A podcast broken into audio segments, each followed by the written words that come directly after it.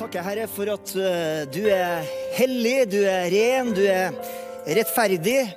Eh, selv om du er hellig, så inviterer du oss som da ikke er hellige, inn til nærvær og inviterer oss til å være venn med deg. Du behandler oss ikke bare som tjenere.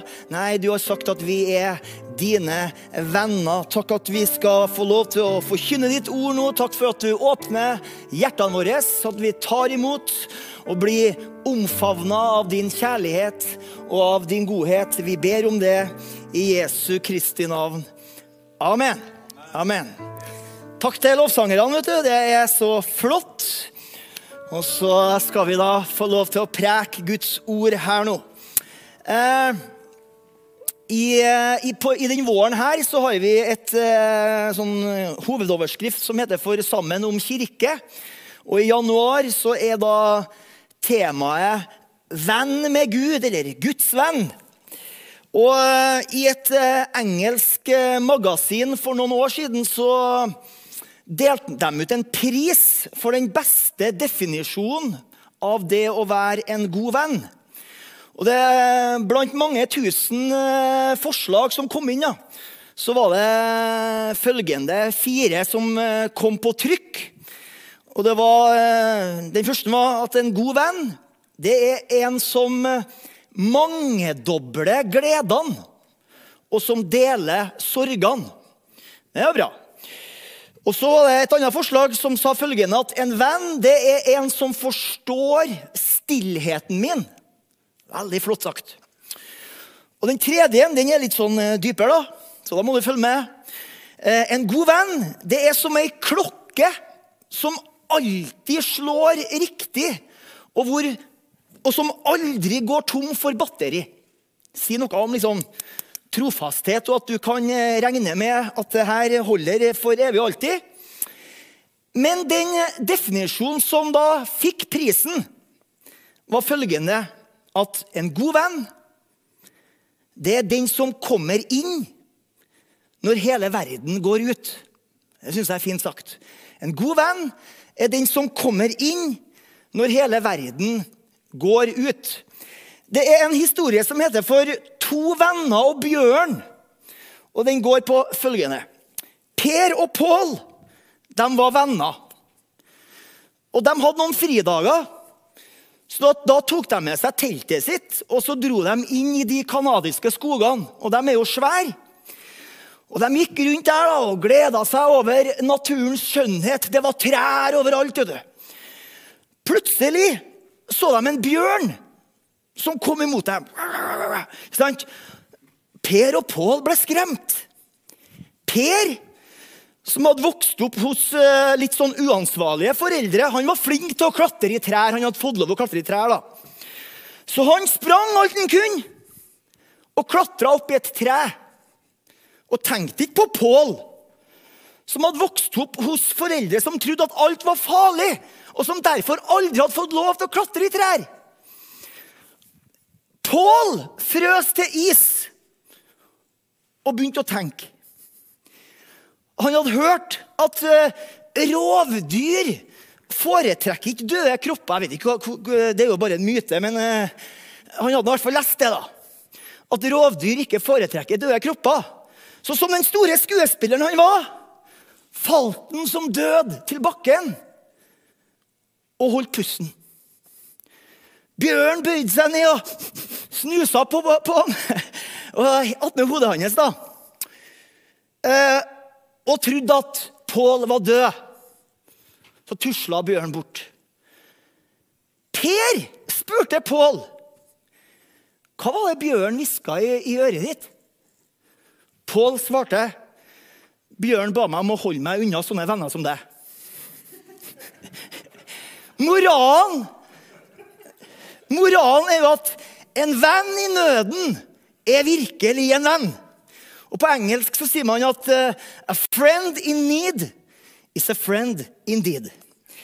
Vi skal lese en uh, tekst fra Jesus i Johannes evangelium, kapittel 15, og vers 15, så står det sånn Jeg kaller dere ikke lenger tjenere. For en tjener vet ikke hva Hans Herre gjør. Dere har jeg kalt venner. For alt jeg har hørt av min far, har jeg gjort kjent for dere. Vi skal komme tilbake til den teksten om en liten stund. I første krønikebok 27, i det kapitlet så nevnes mange ulike personer ved navn og den rollen som de hadde i Davids kongedømme. Fra vers 1 så nevnes ulike hærførere over ulike hæravdelinger. Fra vers 16 så nevnes det fyrster eller høvdinger over ulike stammer. Og så fra vers 25 så listes det opp ulike vi kan kalle dem for uh, uh, statlige tjenestemenn, som da er med å administrere ulike områder i kongeriket til David. Eh, de er ledere over det står beskrevet da, skattkammeret. En leder over lagerhusene. En leder over dem som arbeida ute på åkeren, dem som dyrka jorda. Leder over vingården, leder over storfe, småfe. Og så kommer det litt sånn spesielle ledere. Leder over oliventrærne. Og leder over morbærtrærne. Det er et bra yrke. vet du. Hva er jobben din? Jeg er leder over morbærtrærne. Det er flott, vet du. Og så nevnes det rådgivere og skriftlærde. Alle disse ulike personene eh, spilte da på hver sin måte en viktig rolle i Davids liv og Davids kongerike. Men så plutselig, litt sånn skjult i lista, litt sånn uventa, helt på slutten i vers 33, så finner vi en spesiell beskrivelse på en person. Jeg vil si en viktig beskrivelse. For der leser vi om en med navnet Hushai. Og så står det han var kongens følgesvenn. Og Vi leser om samme person, Hushai, i 2. Samuels bok 1537. Der omtales han som Davids venn. Hushai han, da, han var da mer enn bare en tjener i Davids hoff. Han var mer enn bare en rådgiver. Han var kongens venn. Og I den litt sånn større konteksten av det her kan du jo lese litt på egen hånd. Så er det sånn at eh, Vi leser da at en del av Davids såkalte pålitelige rådgivere gikk over og fulgte Absalom i et opprør mot David. Mens Hushai, som da var Davids venn, han forble lojal imot kongen. Og så øh, klekker jo de da ut en plan, da, David og Hushai. Så Hushai later som om han er lojal imot Absalom. Han er som en, da, en sånn secret undercover agent. Eh, Absalom, da, som har gjort opprør mot David. Så får jo da Hushai informasjon fra Absalom om hva han har planlagt, og så gir han det videre til David. Det, det er smart, du, i hvert fall når det da er er, er krig, så er det smart å, å, gjøre sånn. Så når da de andre rådgiverne til Absalom oppfordrer han til å angripe David mens hæren til David ennå ikke er liksom, eh, organisert godt nok, så klarer Hushai å overbevise Absalom om at han må vente. Vente lenge nok, sånn at, eh, sånn at David får organisert hæren, så de kan være i stand til å stå imot angrepet. Så Hushai var kongens venn. I vår tekst fra Johannes evangelium, kapittel 15, så leste vi der at Jesus lager et skille. Et skille mellom å være en Guds tjener og det å være en venn av Gud. Det er forskjell på det. Det er viktig å forstå at dette skillet er ikke et skille mellom lydighet og ulydighet. Det er ikke sånn at Siden du ikke lenger er en tjener, så kan du bare kaste lydigheten over bord, og så er du bare venn og kan gjøre hva du vil. Det er ikke, det er ikke poenget her. i Det hele tatt. Det skillet som Jesus beskriver, det er et skille mellom fortrolighet og ikke fortrolighet.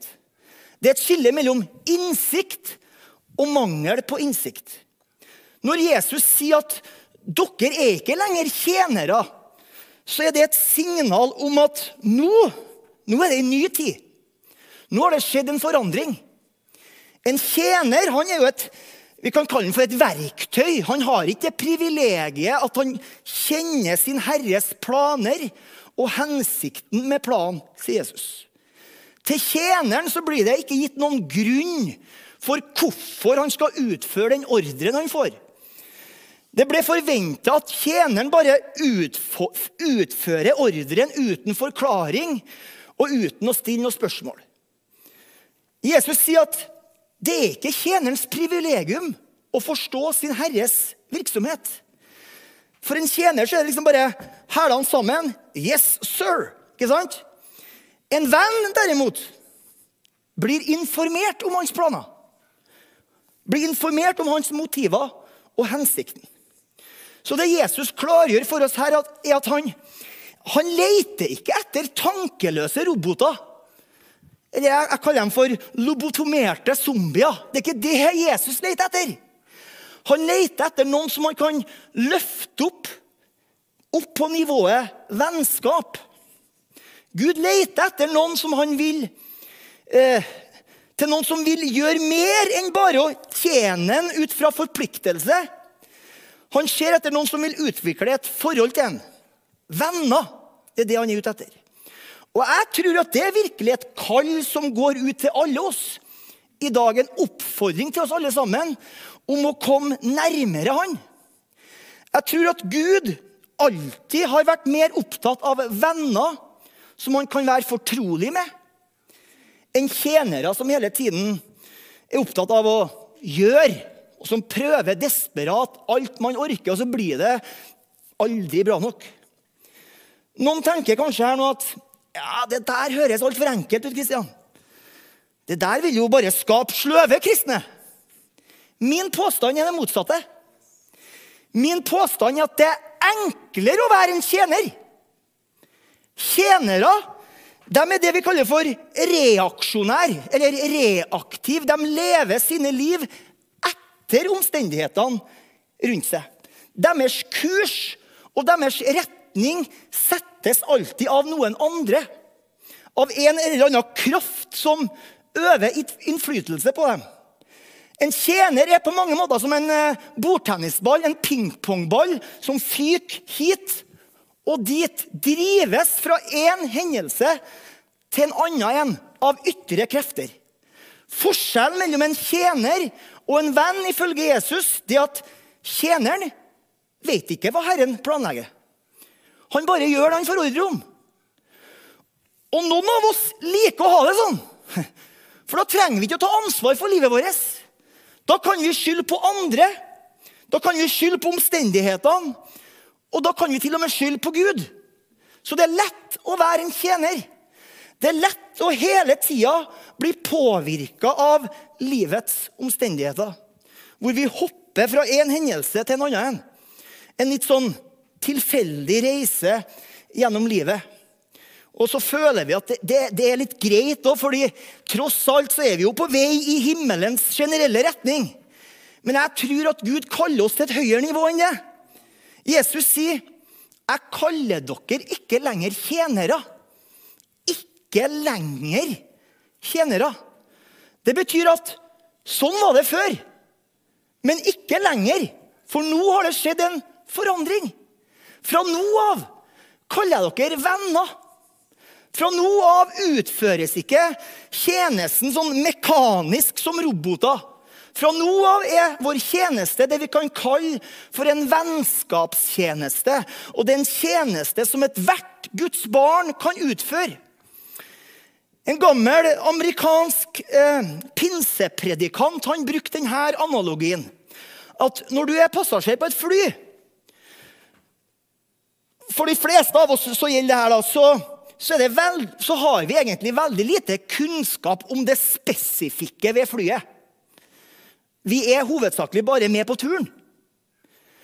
Ja, du vet når flyet skal ta av, sånn cirka, og du vet når det, sånn cirka det skal lande. Og mange av oss tenker at jeg vil ikke vite mer enn det. uh, utover det så ønsker jeg bare å stole på den usynlige hånda i cockpiten som tar meg fra A til B. Og vi bruker jo ofte den eh, analogien når vi snakker om tro. ikke sant? Da er det jo greit. Hvis poenget er å illustrere tro, og hvordan det fungerer, så, så holder det eh, med det der. Men pinsepredikanten fra Amerika han ønsker å ta oss litt lenger. Han forteller at en gang så ble jeg invitert av piloten inn i cockpiten. Eh, det har jeg vært med på en gang. Jeg, jeg, ble ikke invitert, men kompisen min ble invitert inn i cockpiten. Jeg var jo selvfølgelig veldig misunnelig på det. Jeg bare satt der i passasjersetet, og han fikk oppleve hele greia. Men uh, denne predikanten ble da invitert av, uh, av uh, ikke av cockpiten, men av kapteinen inn i cockpiten. Og han, piloten visste alle knapper, alle spaker, alle skjermer og brytere, og forklarte hvordan alt det her fungerte. Plutselig så gikk det opp et lys for denne predikanten at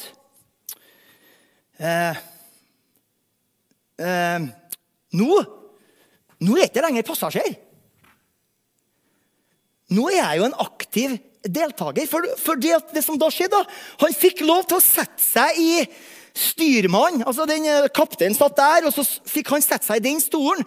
Så fikk han lov å styre flyet en liten stund.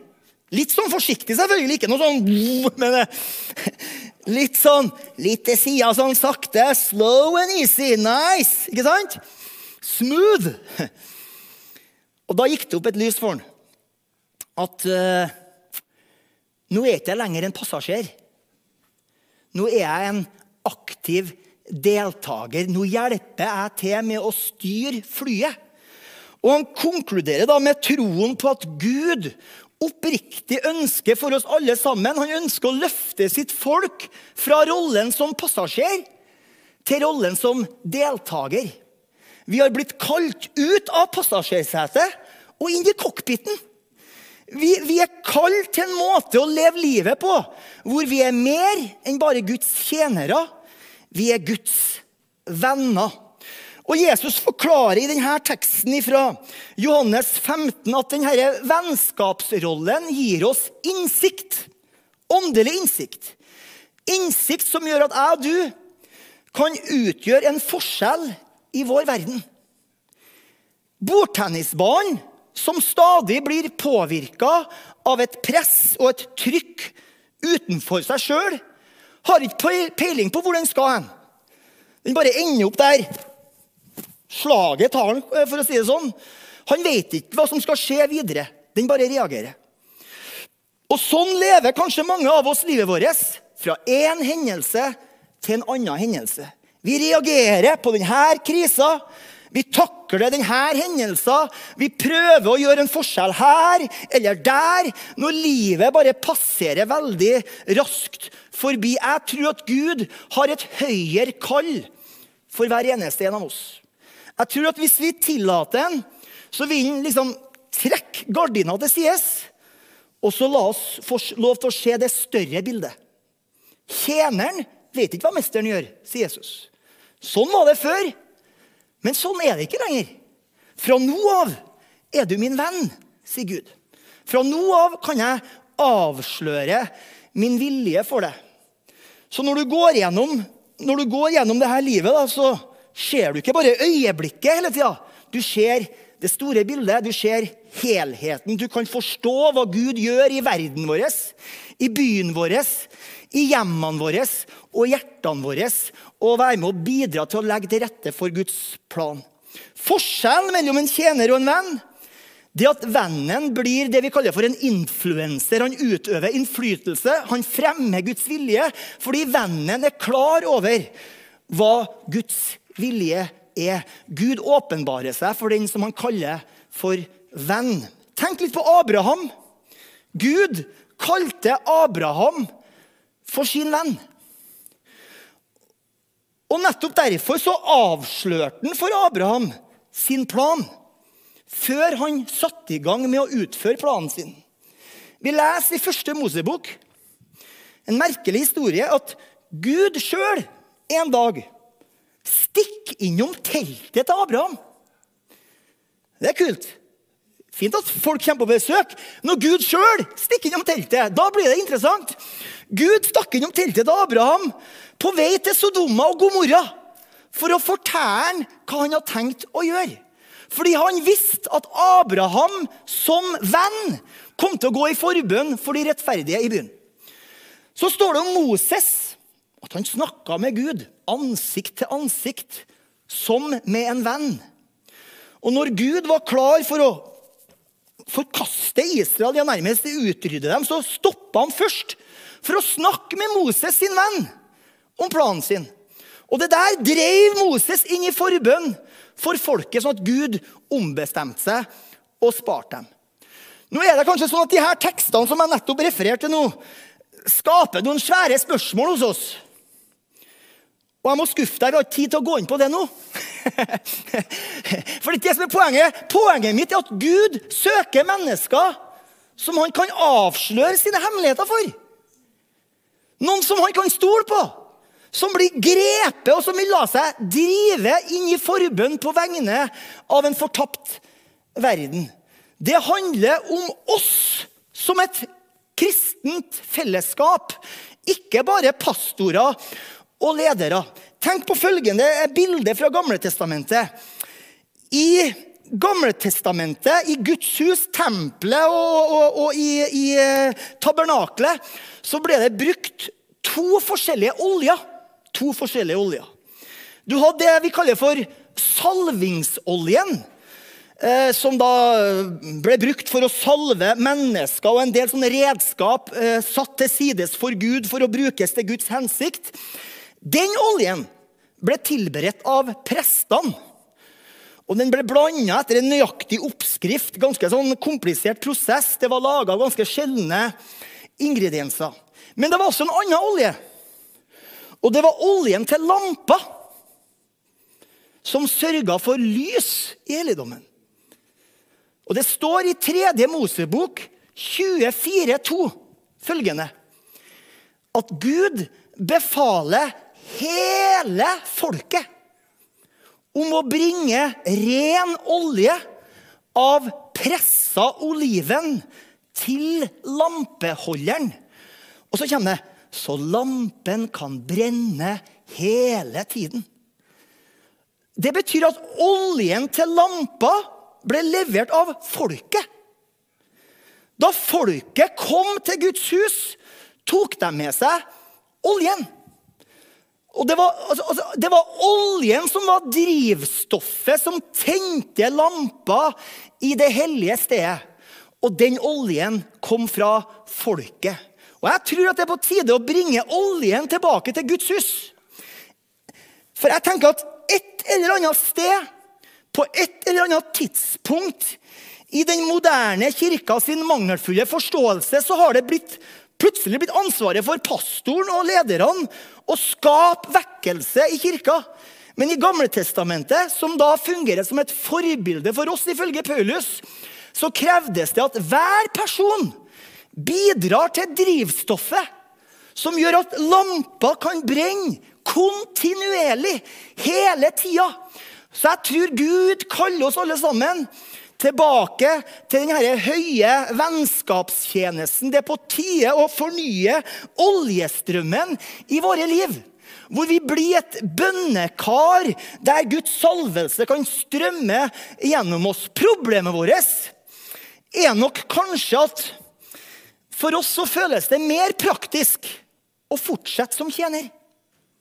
Livet er mye enklere når du bare kan drive rundt omkring uten mål og mening. Tjeneren vet ikke hva mesteren planlegger.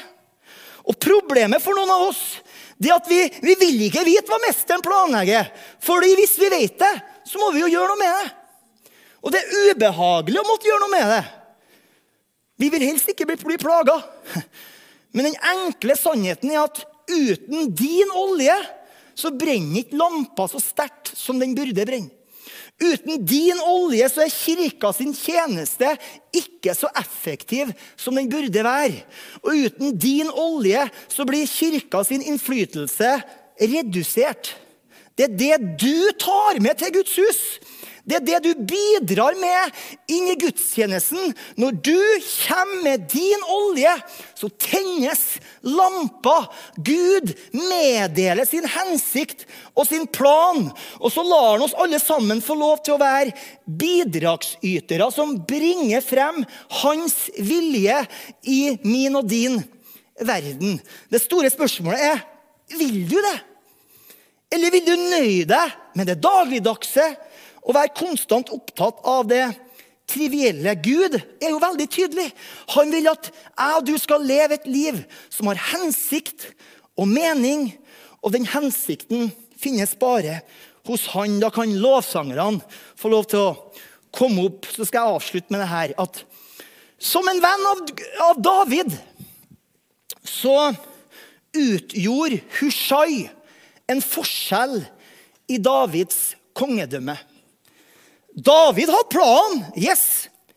Og som Davids venn så var da Hushai i den posisjonen hvor David kunne avsløre for han, og bare for han, sin plan. Og da ble Hushai en sånn influenser som satte i gang planen. Hvis det ikke hadde vært noen venn av kongen, så kunne Davids styre muligens ha tatt slutt. Og jeg lurer på hva er det i vår verden i dag som Gud ønsker å gjøre, men som, hvor han ikke kan finne en venn å dele planen sin med?